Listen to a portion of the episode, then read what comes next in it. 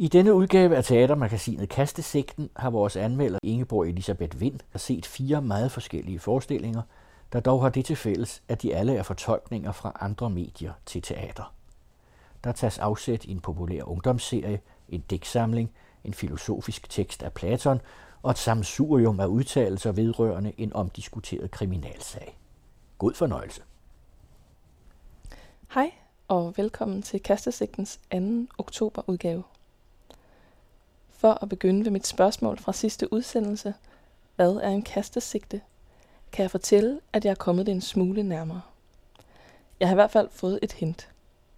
Ophavsmanden til programmet, og dermed også dets titel, Rasmus, har været så venlig at tippe mig om, at han faktisk forklarer det i et af de tidligere programmer. Jeg er altså gået i gang med at lytte arkiverne igennem, men har stadig et par anmeldelser af teaterforestillinger, der gik for et par år siden til gode. Hvis denne udgave af Kastesigten har et tema, noget der binder de fire forestillinger sammen, som jeg har set og vil dele med jer, så er det, at der er tale om fortolkninger af tekster, der ikke som udgangspunkt er skrevet til teater. Instruktører og skuespillere har altså skulle gentænke materialet og tilpasse det et scenisk rum. Det er altid spændende at se, hvordan det lykkes, og man ender ofte med at tage sig selv i at gå til det med lige dele nysgerrighed og skepsis. Især hvis der er tale om et originalværk, som man har et nært forhold til. Her er der tale om fire opsætninger, baseret på henholdsvis citerede udtalelser i medierne, en ikonisk digtsamling, en populær tv-serie og en filosofisk tekst af Platon. Og det er her, vi starter, på det kongelige teater, hvor Platons symposion folder sig ud i skuespilhuset. Symposion er et drikkegilde, der ender ud i en talekonkurrence for de tilstedeværende, der skal improvisere en hyldest til Eros. Jeg var inde og se symposion med kastesigtens helt egen Rasmus Blad Larsen, som mente forestillingen var et must-see. Og jeg, der gik til Anja Berens iscenesættelse uden de før omtalte forventninger, fordi jeg faktisk, modsat Rasmus, overhovedet ikke har et forhold til Platons symposion. Jeg var ret begejstret for oplevelsen. I hvert fald langt hen ad vejen. Forestillingen var bygget op som en slags billeddigte, der malede sig frem ved hjælp af fysisk skuespil, en flytbar scenografi og en meget kraftfuld lys- og lydside, skabt af henholdsvis Morten K. Axelsen og Søs Gunvar Ryberg. Jeg faldt nærmest meditativt ind i forestillingens rytme, der som en langsom puls klimaksede i et distinkt visuelt udtryk for hver af de syv taler. Og i den grænskende tekst, der var mere tilgængelig, end jeg måske havde forventet. For mig var det underholdende at leve mig ind i præmissen om de konkurrerende taleholdere, og når forestillingen var bedst, var jeg tabt i et billede og optaget af at følge den filosoferende tekst. Faldgruppen ville være at komme til at kede sig, eller i det mindste savne noget, der rækker ud, vil noget og bryder den styrede form. Den forløsning kommer til allersidst, hvor en uventet taler bryder med det intellektuelle format og taler direkte om sin forelskelse i Sokrates. Men okay, der var også nogle valg i og omkring forestillingen, jeg ikke forstod. Scenografien, som er helt central i den meget visuelt bårede forestilling, tager udgangspunkt i nogle meget stereotype associationer til det gamle Grækenland. Alt er hvidt, draperet stof, marmor, fontæner og hvide byster og skulpturer. Dels bliver det efter min mening lidt opstyltet museumsagtigt og ikke en så troværdig omgivelse for skuespillerne at befinde sig i, og dels har man i årvis vidst, at det hvide antikke udtryk er en myte. At man i det gamle Grækenland var lige så farveglad som alle mulige andre civilisationer, og malede de smukt udførte marmorskulpturer i de mest funky farver. Så på den måde kommer scenografien til at være en repræsentation af en nutidig, forsimplet og forfejlet idé om det antikke Grækenland, og det gør den efter min mening enten distanceret eller lidt komisk. Det kan selvfølgelig være, at der var en mening med det, det kunne jeg bare ikke rigtig gennemskue. Og så kan der jo opstå nogle dilemmaer, når man i scene sætter en så gammel tekst om kærlighed, og dermed også om køn, kønsroller og seksualitet, i forhold til, hvordan man håndterer, at der nødvendigvis er mange ting, der har ændret sig fra dengang til i dag. Instruktøren har valgt at lade halvdelen af rollerne spille af kvinder, selvom Platons tekst kun omhandler mænd. Det er et valg, hun efter eget udsagn har truffet for at få de universelle budskaber om kærligheden til at træde frem og være tilgængelige, i stedet for at deres outdated kontekst ville fylde billedet. Med andre ord, at lade en diskussion om kærlighedens væsen være op til mænd alene, ville gøre forestillingen for ikke tidssvarende. Det vil fremstå underligt mandsdomineret for et nutidigt blik. Så langt er jeg med. Men så støder jeg igen på en lidt komisk knast, når jeg så læser, at det kongelige inviterer til et filosofisk særarrangement, et live symposium med kloge hoveder fra kulturlivet, der skal diskutere og reflektere over emnet inspiration.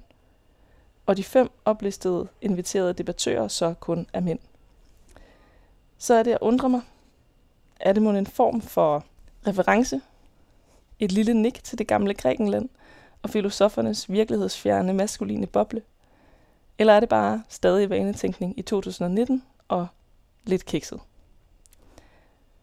Symposion spiller for sidste gang samme dag, som dette program udkommer, den 26. oktober. Så har jeg været forbi Litteraturhaus igen, hvor der åbenbart sker en del mere end oplæsninger. Litteraturhaus er et bekendtskab værd, som så vidt jeg ved det eneste kulturhus i København, der er dedikeret til litteratur. Og som vel at mærke ikke er et kommunebibliotek, men en nedlagt kirke, der nu skaber rammen for mange forskellige begivenheder, der har med det skrevne ord at gøre. Og det har den næste forestilling. Teater Ordblind staves ord-blind har med forestillingen Alfabet kastet sig ud i at opføre Inger Christensens systemdigtede værk af samme navn som monolog, og dermed skabe en form for handlingsforløb og kropsliggørelse af denne eksponentielt vildt voksende tekst. Jeg kunne næsten ikke vente, for jeg er vild med Inger Christensens alfabet. Digtsamlingen er underlagt to systemer, alfabetet og Fibonacci-talrækken, hvilket gør formen meget speciel og umiddelbart vil jeg tænke udfordrende og iscenesætte. Resultatet af anstrengelserne er en meget billeddannende, kraftfuld, meditativ og nærmest højtidelig oplevelse. En fremførsel af en digtsamling vil nok altid både lægge til og trække fra teksten. Den er et bud på en tolkning, og det allerlykkeligste her er, at man mærker en nerve i sproget i rigtig mange rigtig gode glimt. Og der er et stærkt nærvær på scenen og i teksten, der gør, at den bliver ved med at danne klare poetiske billeder, også når det går stærkt og abstraktionerne bliver omfattende. Teksten i sig selv er bare helt vanvittig. Der er så mange smukke billeder, dybere betydningslag og umulige sammenflætninger af begreber, der lander helt ubesværet. Scenen er sat i en gold, postapokalyptisk virkelighed, der fungerer godt som et ekko af tekstens kredsen om atombombeangrebene i Hiroshima og Nagasaki. Vi sad meget henførte og var draget ind i en meget kompleks ordverden, omgivet af en enkel virkelighed, der blev opretholdt af nogle handlinger, der lignede ritualer i vigtighed og udførsel. Et æble, der udgjorde en af forestillingens eneste rekvisitter, blev spist af, så det knasede og rungede ud i hele rummet. Delt i mindre og mindre dele som en spaltning af et atom, og til sidst som afgnavet kernehus, et symbol på dyrebart liv, der helt nødvendigt måtte føres videre. Virkemidlerne på den tekniske side begrænsede sig til at stryge en tændstik i mørket og tænde sterinlys eller tænde og slukke på stikkontakten på væggen. Men som det er med teater, hvis det virker, så virker det, og magien var der i alle skift og alle kontraster. Forestillingen endte ud i et tavst mørke, der efterlod plads til at lytte til det travle, regnfyldte Nørrebro ude på den anden side. Hvilket jeg ikke ved, om var en tilfældighed. Men det skabte en meget perfekt overgang til virkeligheden, som vi trådte ud i bagefter. Lidt mere hudløse, efter at være blevet hævet gennem halvanden times stærke billeder på liv og død. Forestillingen spiller sidste gang den 30. oktober, og jeg kan kun tilskynde lytteren at tage ind og se og opleve alfabet. Fordi man bliver en del af et rum, hvor teksten får lov til at fylde. Og fordi man bliver draget ind i et univers, man ikke nødvendigvis forstår, men heller ikke ryster af sig med det samme. Der er ikke ret mange pladser til publikum, så jeg vil anbefale, at man bestiller billetten med det samme. Alfabet er sådan en forestilling, jeg godt kunne tænke mig at se to gange, af samme grunde, som jeg også synes, man kan vende tilbage til at læse alfabet igen og igen. Det er svært at få det hele med. Forestillingen kan sagtens ses, selvom man intet kender til teksten eller Inger Christensen. I så fald tror jeg, man vil få vagt sin nysgerrighed på hendes forfatterskab. Det er en ret ideel måde at bruge en mørk oktoberaften på. Og hvis du kommer i god tid, så er der altså også en bar, der støtter det lille idealistiske foretagende Litteraturhaus er. Men nu skal vi et helt andet sted hen. Til Hartvig Nissen Gymnasium i Oslo. Avenue T har nemlig lige nu en opsætning af tredje sæson af den populære tv-serie Skam på plakaten. Frem til 9. november kan man se Skam 3, historien om Evan og Isak på scenen. Og jeg kan lige så godt sige med det samme, at denne anmeldelse er lavet af en skam entusiast. Der har været rørt til tårer af hver eneste webisode af Skam sæson 3, og som stadig kan spille næsten samtlige afsnit for sit indre blik. Derfor tænkte jeg også, at det ville være en god idé at tage en ledsager med i teatret, der aldrig har set serien, eller i det mindste ikke tredje sæson. Men det kender jeg bare nærmest ingen, der ikke har.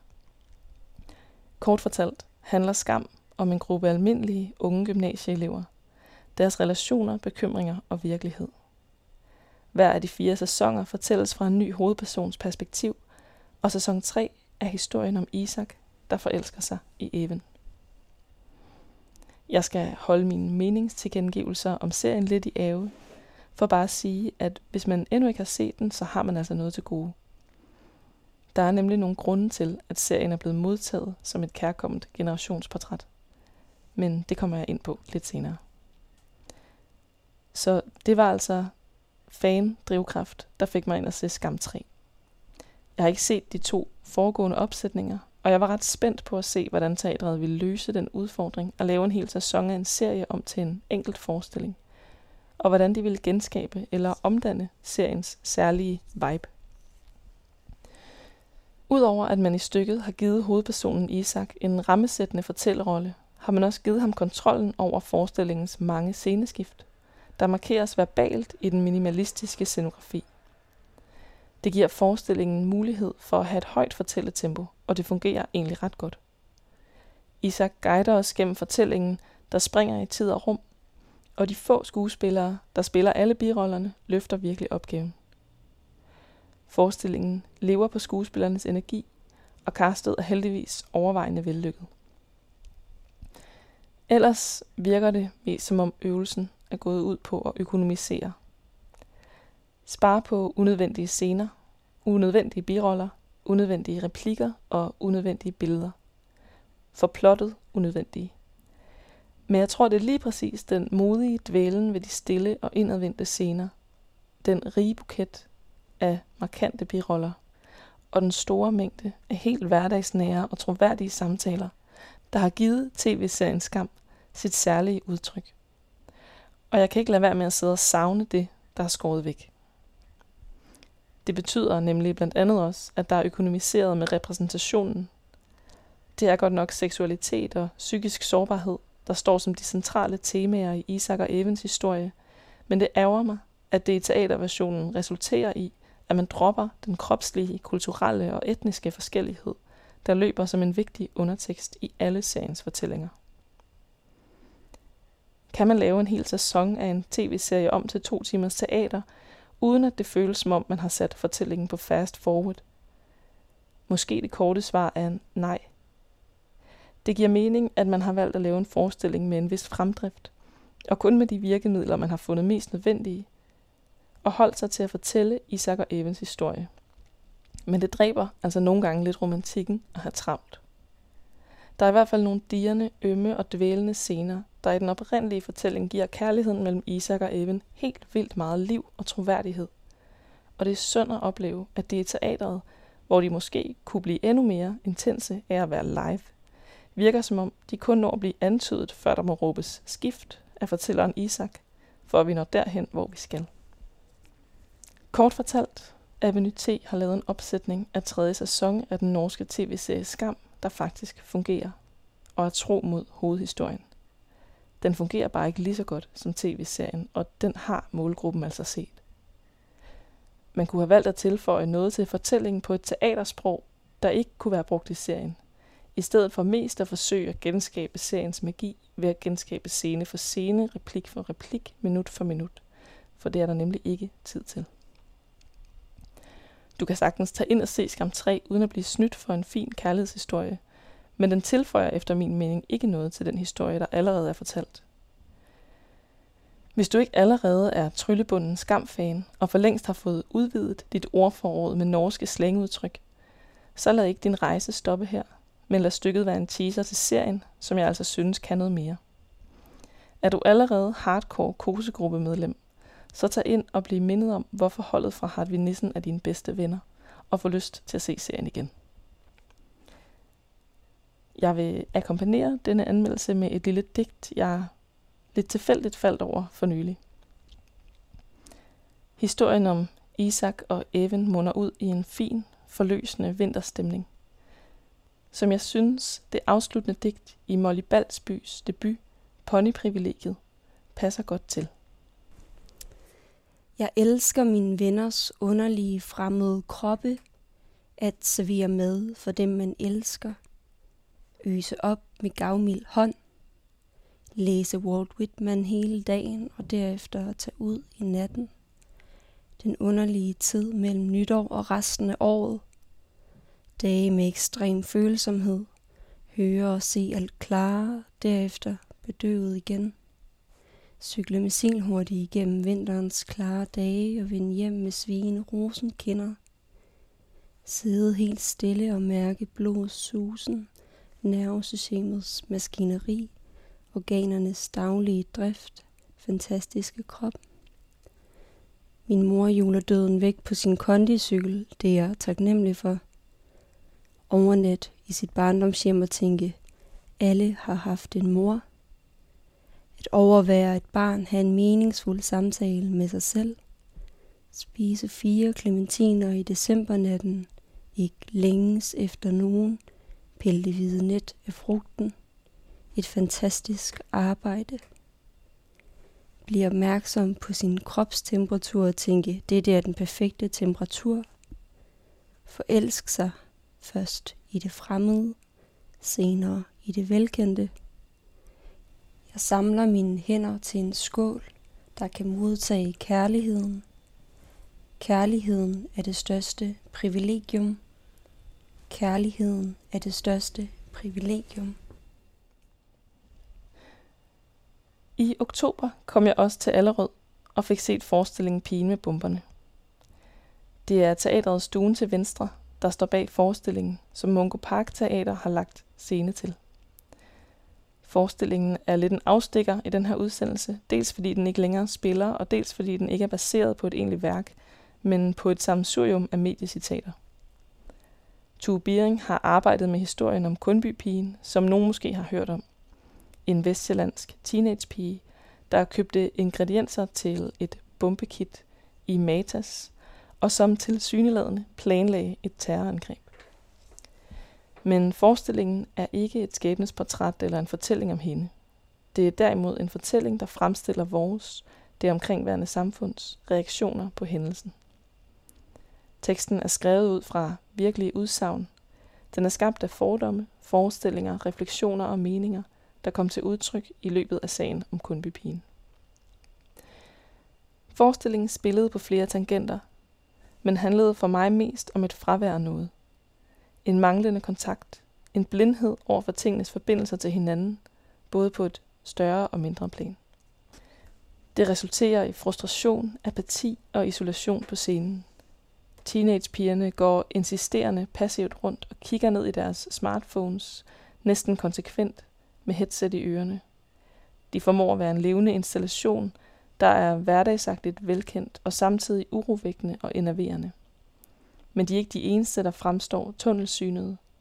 De velmenende, uforstående voksne kvinder, der fører ordet i forestillingen, befinder sig også i en boks, hvor de på privilegeret vis har lært at arrangere deres frygt efter ydre karaktertræk, hudfarve, hårfarve, religion og køn. Jeg var hele tiden i tvivl om, om afstanden mellem de snakkende voksne og de tavse teenager var en armslængde eller en afgrund, og hvem der egentlig var længst væk i sit eget projekt. Da forestillingen ikke længere spiller, vil jeg i stedet ud fra temaet radikalisering anbefale to podcasts, der har gjort indtryk på mig. Fortællingerne er af en helt anden type, men de skildrer på hver sin måde et ungt menneske, der ud fra en social eller psykisk sårbarhed bliver draget af et fællesskab med stærke ideologier, markante holdninger og klare retningslinjer. Third Year har lavet podcast-serien Historien om Lukas, der handler om en ung dreng fra Sydhavn med autisme, der rejser til Syrien for at kæmpe for IS.